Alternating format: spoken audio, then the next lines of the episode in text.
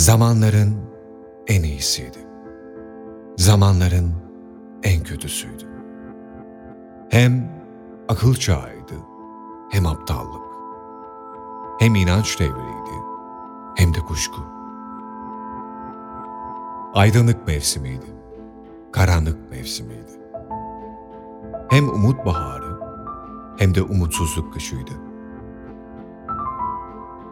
Hem her şeyimiz vardı, hem hiçbir şeyimiz yoktu. Hepimiz ya doğruca cennete gidecektik ya da tam öteki yana. Sözün kısası, şimdikine öyle yakın bir dönemdi ki, kimi yaygarıcı otoriteler bu dönemin iyi ya da kötü fark etmez. Sadece daha sözcüğü kullanılarak diğerleriyle karşılaştırılabileceğini iddia ederdi.